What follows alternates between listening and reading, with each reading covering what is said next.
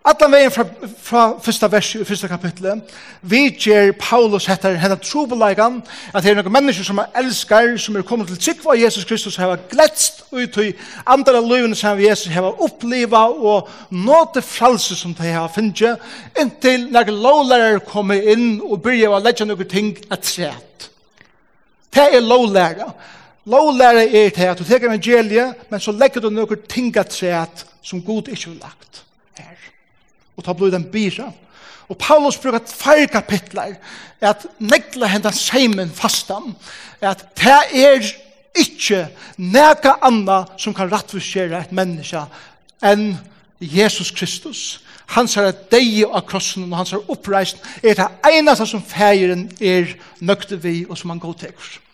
Vi kunne komme ved lenge om liston, og så flott om avrikon, og alt det forskjellige som vi vilja, og standa framfor god i en dag og sier, hikk, hvordan vel er du? Og han vil sier, kjente du min son? Og gavst du til det som han gjør det, og Golgata krossen? Jeg gav det ikke, ikke annan, for frelse. Og det har vi nelt nok så fast, håper jeg nå, jeg ser her viken der. Annars det blir i fjorda kapittel, så det kommer ni helt. Så, så, så i jar, så tar seg i jøkken eh, tre og fjorda kapittel. Ta i Paulus enda andre kapittel, og kommer inn i tre kapittel. Ta i dag som han er livet ved at neklet her fast, at det er Jesus pluss og ikke annet. Men så, så blir han å her opp som lovlæren på vi at kaste ut. Ja, men Paulus, er det ikke viktig at vi lov? Er det ikke viktig at vi at heva regler? Er det ikke viktig at vi vite hva det er rett og hva det er skreft? Hva man må og hva man ikke må gjøre i livet og så videre? Er det ikke nei at vi lov? Og alle veien tjøk noen tre og fjøre kapittel sier Paulus. Bøy og lykke. Jeg vil ikke fortelle deg noe annet først. Først er det god elsker det. Jan Paulus er svitt vi, vi lov over reglun. Vet du hva? Og det er det at Kristus har sett sin kappa om det. Han har innbattlet det inn i sitt navn. Og held det fast om det. Jo, jo, jo. Det er ikke viktig vi lov under reglun. Vast er det god gjør unga mann av mun, unga stadt av mun, unga kins mun av nøkron. Vast er at han elskar ödel mennesker. Ja, Paulus er ikke viktig og så er. Så det, det som Paulus kjer i jøkken 3 og 4 kapittel er til at Lålaren ble via spredende spørningen, men han vil ikke fære her til enn. Før enn vi få et her nyr i hjertet og føle det er god elsker til. Og er han initierer over i nøkken listen og reglene og avrykken, er han initierer over i at hava et djupt, intimt, kærleks forhold vid det. Og til det som vi er midt i nå. Ta så senast om etter henne tøtningsen av at Guds karlæsje er så mye omfattende, at han bryter alle ter kastene som vi bytter om okken, da vi gjør mannamunn og stattamunn og kinsmunn av mennesken. Og Gud bryter alt det her nyer, og sier til det eit vi mer. Og der kommer vi så til fjorda kapittel. Og derfor er dekka en nok så god en parst, et vers. Men vi har livet av klokka eit, korsene. Da vi lesa Galaterbrevet, fjorda kapittel, og fra vers 1 til vi 11.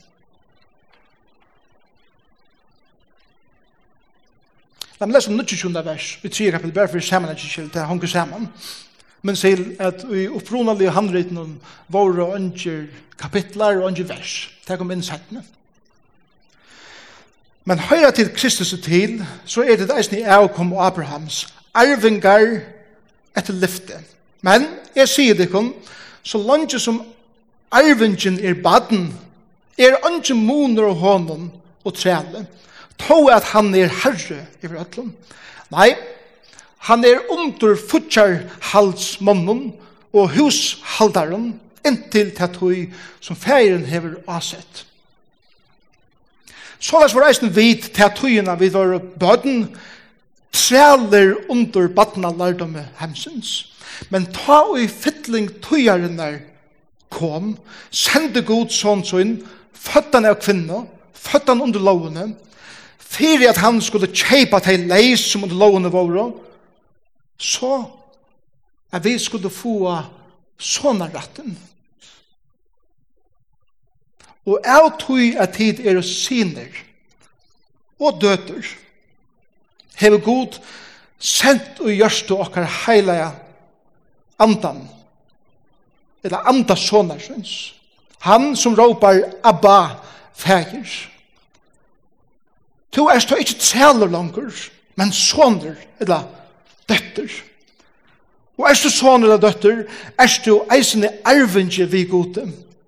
Til at tøyene tid ikkje kjente god, træl av tid under goden som er nature, ikke god er her.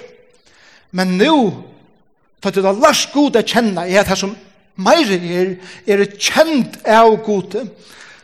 Hvordan kunne tid nu færa atter til en veika og fatega badnalardom som tid atter er nudjon atla et sjæle under. Så endrar vi å sija tid halda dier, manager, tøyer og år. Er, er rattur fyrir at det skal være til ønskjus at jeg har møtt meg fyrir dekken. Og det er en signan sitt år. Skulle bya sammen. Takk her Jesus for Galaterbrevet. Takk for den utrolige bådskap som vi får i som brevene om at til to Jesus, tutt versk og Golgata og ikke anna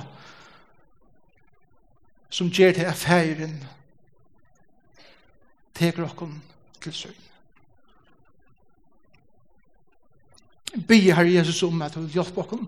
Bjerg oss fra å fettle ut og gjøre det her øtta forhold vi til. Kan vi føle at vi omgår det gjør noen jeg for at du skal elske oss. Men hjelpe oss nok fylle ut i fullkomna verset som Jesus har gjort. Og i testa fyrir heilig andre hvordan du lette Paulus at ikke at hoppe på henne vognen som lovlæreren er høyt om at få lister i hva man må og ikke må men han leier heldig dent og han at det er forhold det snur om. Et djupt, intimt, innvitt, karlags forhold. Og i testa fyrir denne teksten, som jeg leser i det, og at hun hjelper meg at utleggja ham, og at vi må lære at det ikke best å være høyre årsens, men eisende gjerrer tess. Og i Jesus navn. Amen. Og nå er jeg var noen viner som bygger i Bolivien. Og de da Lucho, og hun er Lorna. For noen år siden så bygger jeg å ta et Patnaheim, som eisen ble en skole i Bolivien. Og til Patnaheim og skole for heimleis bøtt. Og Lucho og Lorna har seg hvordan hjelparsleisbøten som er funnet ut av gøten om. Vi er fullkomlig av vågnet seg frem til å ha funnet mening av løven. Jeg har funnet vågne for virkelig, at livet virkelig løv. er skolen som de byrja av, er det jeg blivit så mykje anerkjenner i Bolivien, at selv sånne presidenten i Bolivien har vi ikke skola her. Kjente skola. Lucho, sier en fra en hending som de var utfyrre. Og det var en kona ur Florida som var kommet til Bolivia etter en badne som han hadde atleit, eller skuldig atleit, ja. Fra en øre badne, men ikke takk. Og fra London så var det sånn at sjøl eh, underskriva igjen, eh, penninger var golden, og han kom til Bolivia, jeg kom at avventa sitt badne. Men da han kommer til Bolivia, finner hon et hev at hon er snutt. Her var ikke baden heim, og her var ikke baden. Og kvinnan er fullkomlig fra seg sjølvar. Og tjekkar inn i et kistnukar hus, og veit ikke sunne livande råd. Samtidig i en øren bøye, eller faktisk ut i en bygd, en av stedet er i Bolivia, vi er en nyfødt lydel småkjenta funden under en treg nær hendes en negv trafikera igjen ved. Mamman har lagt han her og i vånen jo om at onker kanskje fyrir at finne henne. Men hon var deian nær til når jeg finnes finner fødsel eller omsorgan fra mamma sinne som åtti at få. Og myndelagene settes i samband vi Lucho, og lårene, om de kunne teke hese neiers kjento inn av sutt badneheim, og røyne jeg få liv i henne atter. Og det finner det, det finner han inn i badneheim, det er etnei som jeg få liv i jenten atter, samtidig høyre lutjo om hese neiers kvinna, som sitter fullkomlega fra seg sjølvare inn i en hotell i en ørenboi i Bolivien, og høyre søvende om hva det har hendt.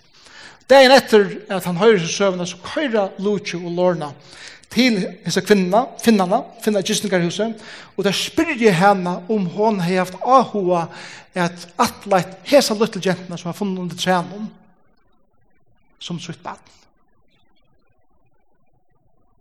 Og det forteller henne sjå han det søvnene om hese jentene, hvordan hun har funnet, hvordan hun har deia nær, og hvordan det er etnast er for liv og en natt. Det hadde gentene vi, gentene var innbattla i et teppe, og så tega de teppe, til å åpne teppe, og kvinna ser hese gentene, og hun fyllest vi karlæka for gentene beina ved. Tarne trilla nye egin henne, kinnen henne, Og henne hjärsta fyllest av omsorgan. For jeg er sånn prakkfodla nå i føringen. Og så forteller Lucia etter at han får en slik brøyting fram og i likamene til hans mammene, til hans kommene, at mjölkjen setter til. Jeg var sånn, hm? mjölkjen sette til, Og han sier, jeg kan det sette, jeg sa, jeg vittner jeg etter. Men jeg kan det som vi lagt noen sette, og det er noe som viser det litt, og liker litt, ber til. At du kan fytla sånn jeg vi omsorgen og kærleika for en menneske, at det beinleis avvirskar til likan. Og en mamma som fer henda mor kærleikan, kærleikan, kjolt om seg fremmantbaten, det avvirskar til at brøstmjølk setter til. Og hun leier seg gentene er som i brøsten, så at hun kunne få at det føye og ta næring, så kunne hun gjøre henne løvs meg. Fantastisk dem. At lovlig sjøl var underskrivet hjem. Utvida jeg, underskriva jeg, go teaching av myndelagan. Og kvinnan får atter til Florida, vi er så kjentene, som har funnet nesten deg under en treje i Bolivia. Og vi tar sin heim i en elskande familie i Florida. Nå, nå ligger ikke langer som har hjelper til spaden. Men nå hever hun, finnes jeg er gang til alle de fremmedgjørte som er baden, som er går for eldre hever.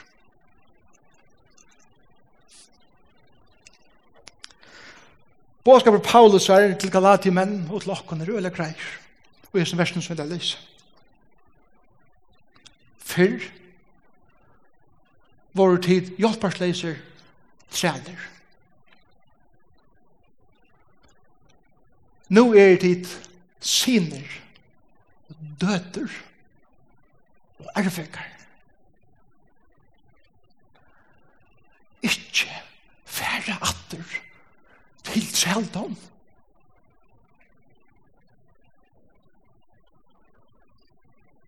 Til bådskapen. Fyrir var det hjelparsleise træler, livleis, Nå er det sinere døter og arvingar.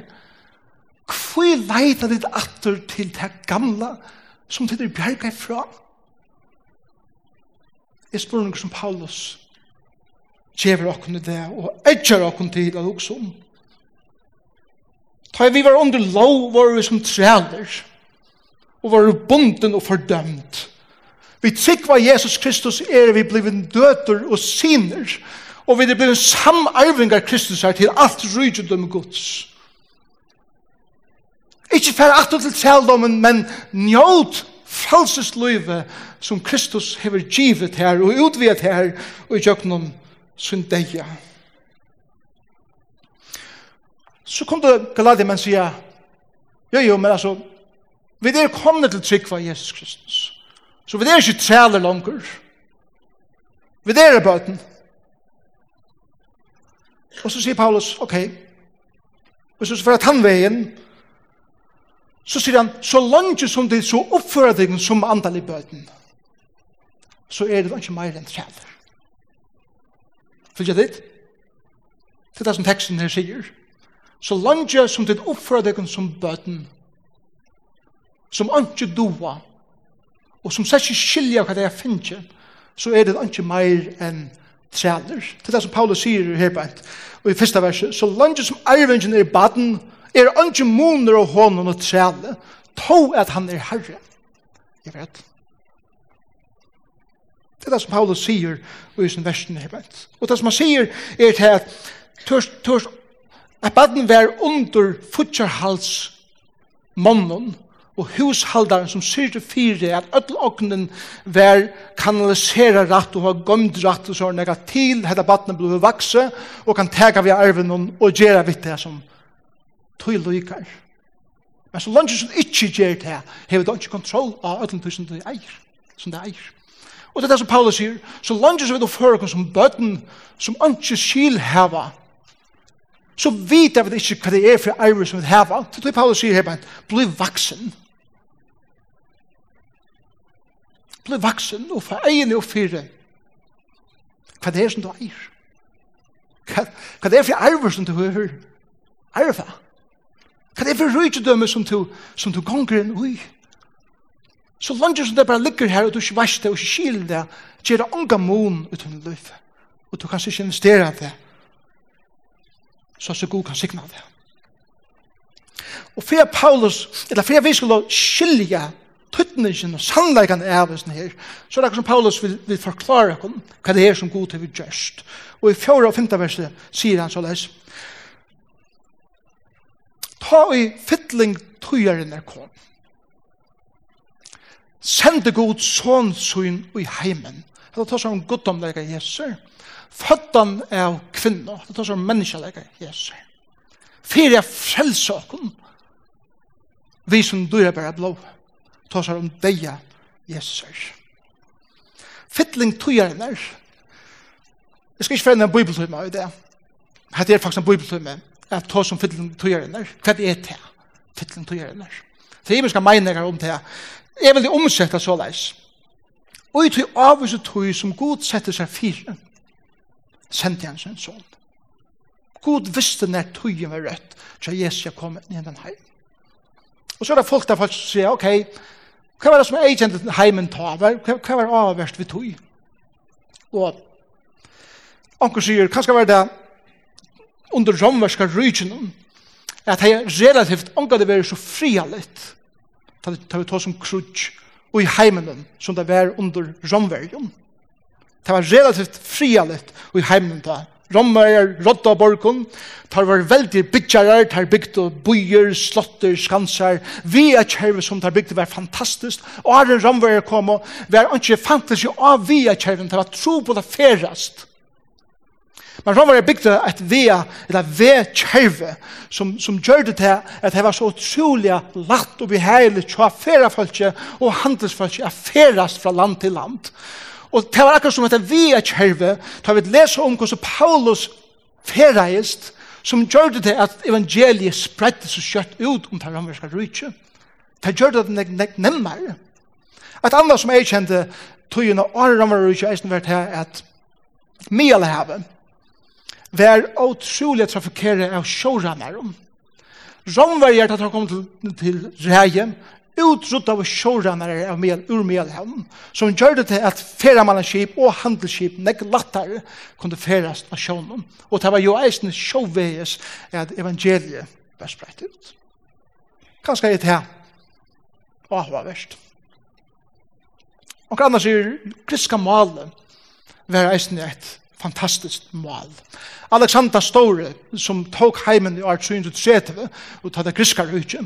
Vi leser også at år 330, ta og Alexander hei tidsi alt som kan, kan tekas, sett hans nye og han græt, som han møte tar til det var ikke meira teka. Men et av endamalen som Alexander Store hei, var at utspreia greska mentan og det griska malet utom at heimen. Og ta i romverjer, teka rægi umlai 103 fyrir krist, og tar bløyva henda nasjonen som, som kjemmer av roa.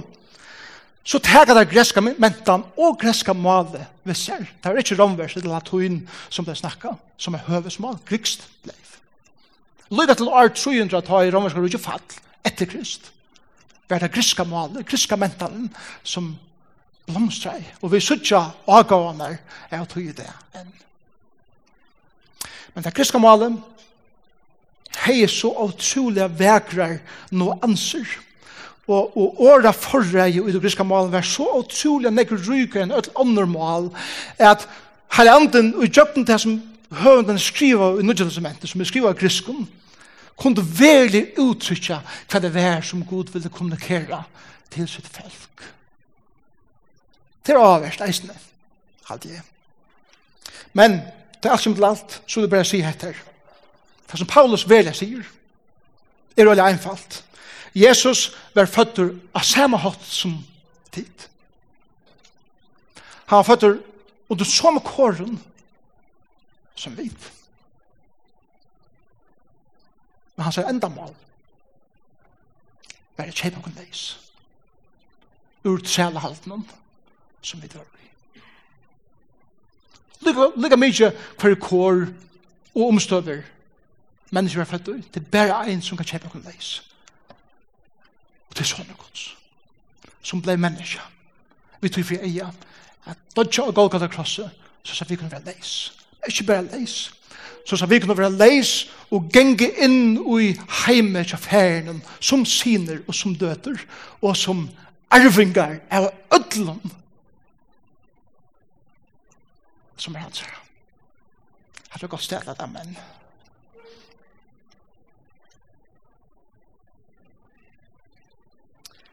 Little gentleman Bolivian, hun fikk navnet Grace, eller Maria Grace. Ta Maria Grace kom til Florida, ta visste hun slett ikke at hun kom inn i en utrolig mykvande familie. Mamman var eina baden, og Maria, Maria Grace var eina seg arvengen til alt rujudømme som familien hei. Fra å være en hjelparsleis kjenta som var funnet under en treje, hold deg og believe, blir hon en mykvande, velhevande kvinna som vekser opp i en elskande heime i Florida. Fyrst væren under futjahalsmannen. og hushaldaren, for jeg bruker det bibelske, eh, det bibelske malet, som sier fyrir at alt det lovlige som arveren krever, så vi er vi hilde. Men den vaksen, takk om gjerra vi arven som han vil. Og det er som Paulus sier vi okken i vers 6 og 6 til der syner, til der døder. Til der finnes jo hele andan, og åpenbæra for hva arv til det her. Og hva for samfunnet til det her er godt. Han sier at vi er som Maria Grace. Vi hjelparsleis, lovleis, er vi funnen, vi er bjerka, vi er atlet, og vi gjør til arvingar gods og Jesus. Paulus stafas at her i vers 6, han sier, du er stå ikke træler langer, du er soner, du er støtter, og om du er soner og om du er støtter, så er så eisen en arvinge. Du hever arva alt rydgjødømme. Guds heste arver som han tåsar om er ikke en avmarskavur, materieller arver. Her er en avgjør, andaligur, arver som han tåsar om. Og så sier han, en pastor som arven er til at det finnes andas sonar syns, altså heile andan inntikkar gjørstå, og vi honom kunde råpa, etter vers 6, Abba, fægir. Og det som Paulus sier er til at fyrir vi du få egen jo oppfyrir hver arven er, og at arven er et innelig samfunn av vi god, så er vi bøtten, så lønner vi ikke løy å helle andan fram et, at åpenbæra fyrir jokken, hva det er for samfunn som vi kommer nå i. Og det er kvitt som det er helle andan kom, og et av enda mal helle andans er å komme inn i okken, for jeg viser okken arven som vi har finnes som bøtten gods. Tid er ikke træne langer, tid er bøtten, tid er siner, tid er døter tid er arvingar. Og hele anden er han som kastar ljós og hettar. Og det som er så fantastisk er til at ta i vi suttja hver arven er så får jeg slett ikke være opptidsen av å si, wow, hikka det, hikka hva det eier, uh, hikka det her som jeg eier, hikka det her som jeg eier, og alt rydgen som jeg hever. Men hva er det som jeg sender først? Abba, feir. Jeg får jeg enig for at jeg er kommet inn i et samfunn. for feir. Hans er åkne har ikke sida immun til å være i en samfunn her i ham. Abba er, er, er en arameisk eh, vending. Og det er faktisk et dobbelt år eh, fra det arameiska og det griska, Abba og feir, er faktisk som år, men Abba hever et nekv inneligere eh, nekv inneligere user til nekv vi babba, jeg sier, men da må jeg selv bruke babba om, om god, men Det har vi til å gjøre at det er et familieforhold som du har kommet i. Han er babba tjatt her. God er til en pappa. Og du kan si Abba, Abba. Og det første som bøten bør si at det bør si et eller annet, er et eller annet Abba, Abba, Abba, Abba, Abba. Og så blir er Jeg var ikke en drøy tilbild eller om det er et første uttrykk av en enda mal som god hever ved øtlom menneskebøtten som ble født. Abba. Fær.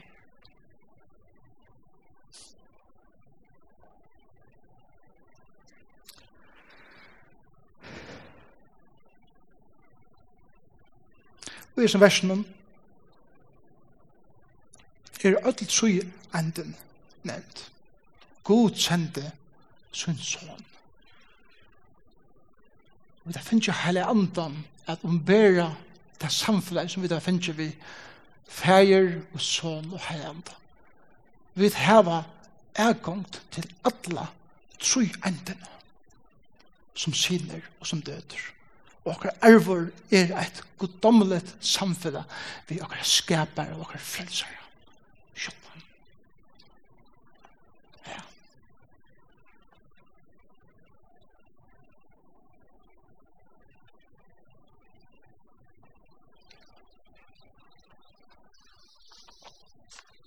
Spurningen er,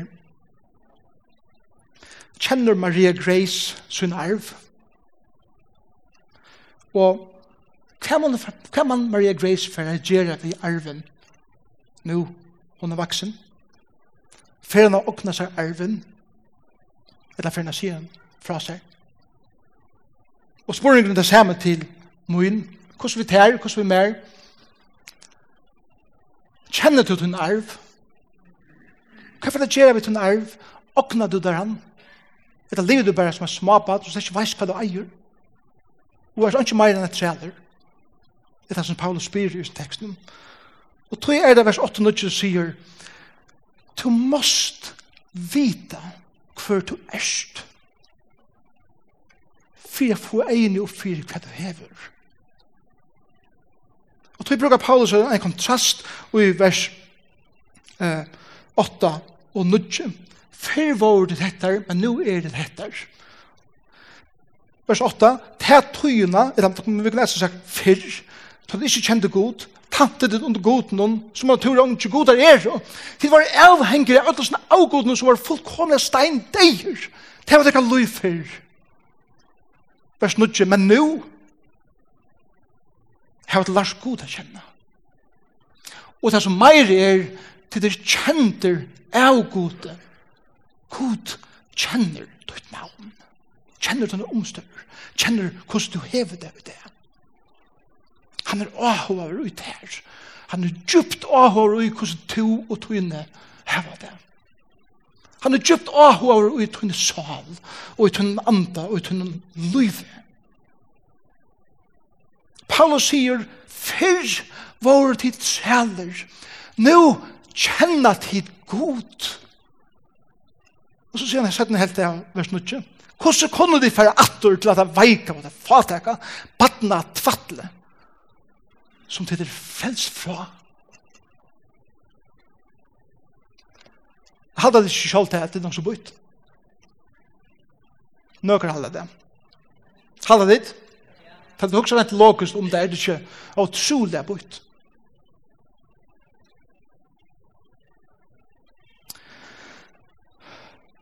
Vi vet hva hender ta og um, vi misser egene av hva vi da finner og byrje at feste egene av alle andre ting.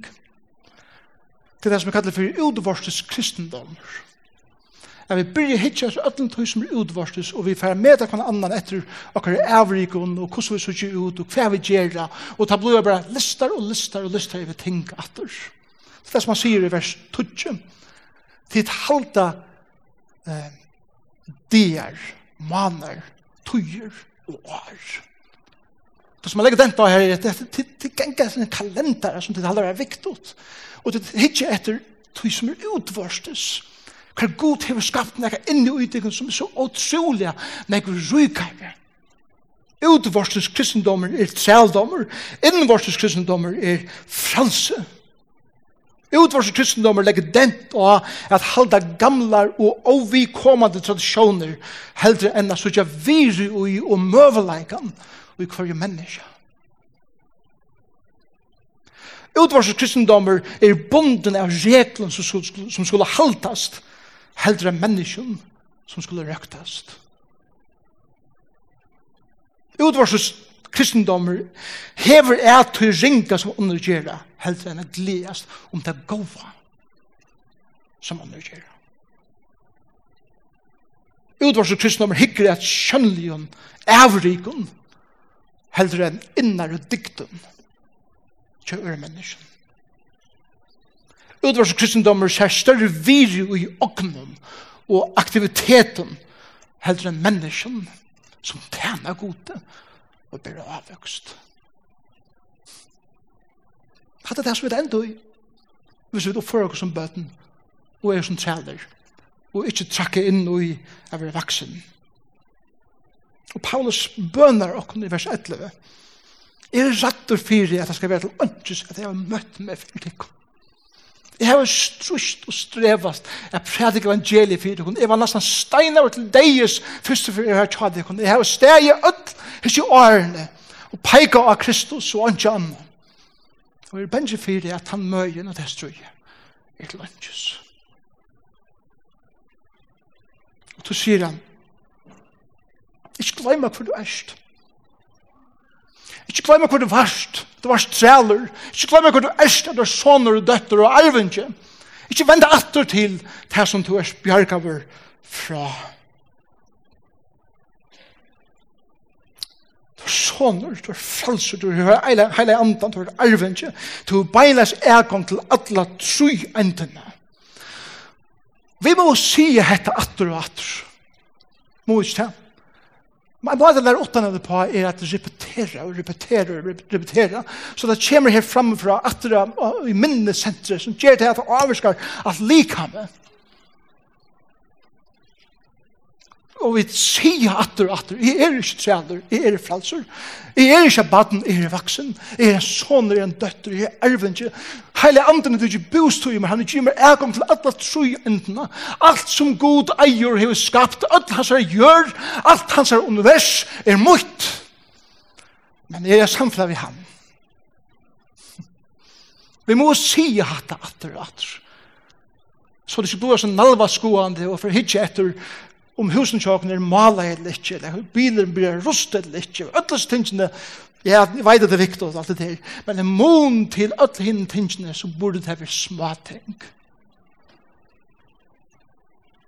Hvordan det kom hvis Maria Grace ikke teker vi av ervene, men får at til Bolivia og leier seg under et tre, et dødja. Det er tablet. Men til bedre, så gjør det ikke det. Jeg vet, for jeg kjenner henne søte. Og det er Maria Grace, en ung, vøker kvinne. Hun er gift, hun er tveibød. Hun bor i Texas. Langt som tannåringer setter Maria Grace her fire. At hun er vaksen, så får han at nøyda en stor part av sin erve at bytja badnaheim og skola og et helsesenter i Bolivia. Og hette er hon i gang vi sin familie og i det. Jeg gjør det. Hon brenner fire av jenter og drønger som er og lykke som hon vær kunne få et virret liv. Kan jeg få vogn? Et livet og ratten et livet. Maria Grace fikk en nytt heim som var småkjente. Hun opplever karlægen fra elskande foreldre, men hun opplever det som meir er. Hun opplever det som vers 9 sier, at kjenne god, men det som enda meir er, er være kjent av god. Og den karlægen og den kjenslen som god ber til henne, gjør at hun hever ho og brenner fyrir er for atter, at djeva er sindre av sunnen arve til ånder som han tjeva. Til hon veit hva den eier. hon veit hva hun er. Og hon veit hva hun skal gjøre vidt det som hon eier. Og tog spyr Paulus, og kunne det. Værst du hva du erst. Værst du hva du eier. Værst du hva du støve er. Værst du at du er en sonner og en døtter gods. Værst Varst du en arvinge som har ægong til alt rujtje med gods. Og et endelig samfunn er ferdig. Og tog spyr Paulus, vil du gjøre meg i takksomme og gjøre til ånder av tusen to og finner for at ånder kunne hava vann. Vil du lota glede i båtskapen som to har finnet og tidsje vi ånder vil fortelle at heimen om hvordan du opplever Jesus og den løyfe vi øren. Det er spørninger som Paulus seter og kom. Hva er det. Så kære brøver og søstre, let dere ikke oppføre oss som bøten, let dere prøve vaksen, og trakke inn i det som god hever til okkom. Og om du er til det, og du ikke kjenner Jesus som din personlige frelsere, han bjør at her liv og i det. Jesus støyer for til av krossen, og ikke annet. Og ikke annet kan frelse det. Og Jesus bjør at det er samfunnet, vi ser ut det. Og så sier Herre, eh, takk deg for at du døy av krossen og fyrer meg. Vil du komme og tega reie min liv og gjør meg til tøyn som er sannsar i baden. Slå bia sammen. Takkar Jesus fyrir hendan båskapen og i Galaterbraun. Jeg takkar fyrir at Paulus ikke løybe bant i hettar at hva vi skulle gjøre og ikke gjøre, men blei vi a minna okna for vi vil er. Og hva det er for i samfunnet vi er og i vi færen. Til han veit er det samfunnet som er grunda av øtta og iva for jeg leia til møye om er møye til vi kommer her til at vi er fullkomlig utbrent. Men han var i bedre. Og er samfunnet som er bygd av karlæga. Kan vi er fullt god tidsen. Finns jo fulle egon til alt. Her vil det latt at henne til. Her vil det en glede at henne til. Her vil det frøye at fylltjøst vi der. Og vi byr her om at vi som samkommer få egene mer og mer oppfyre hessen åtsulige, underfull og stor sammenhengen. Amen.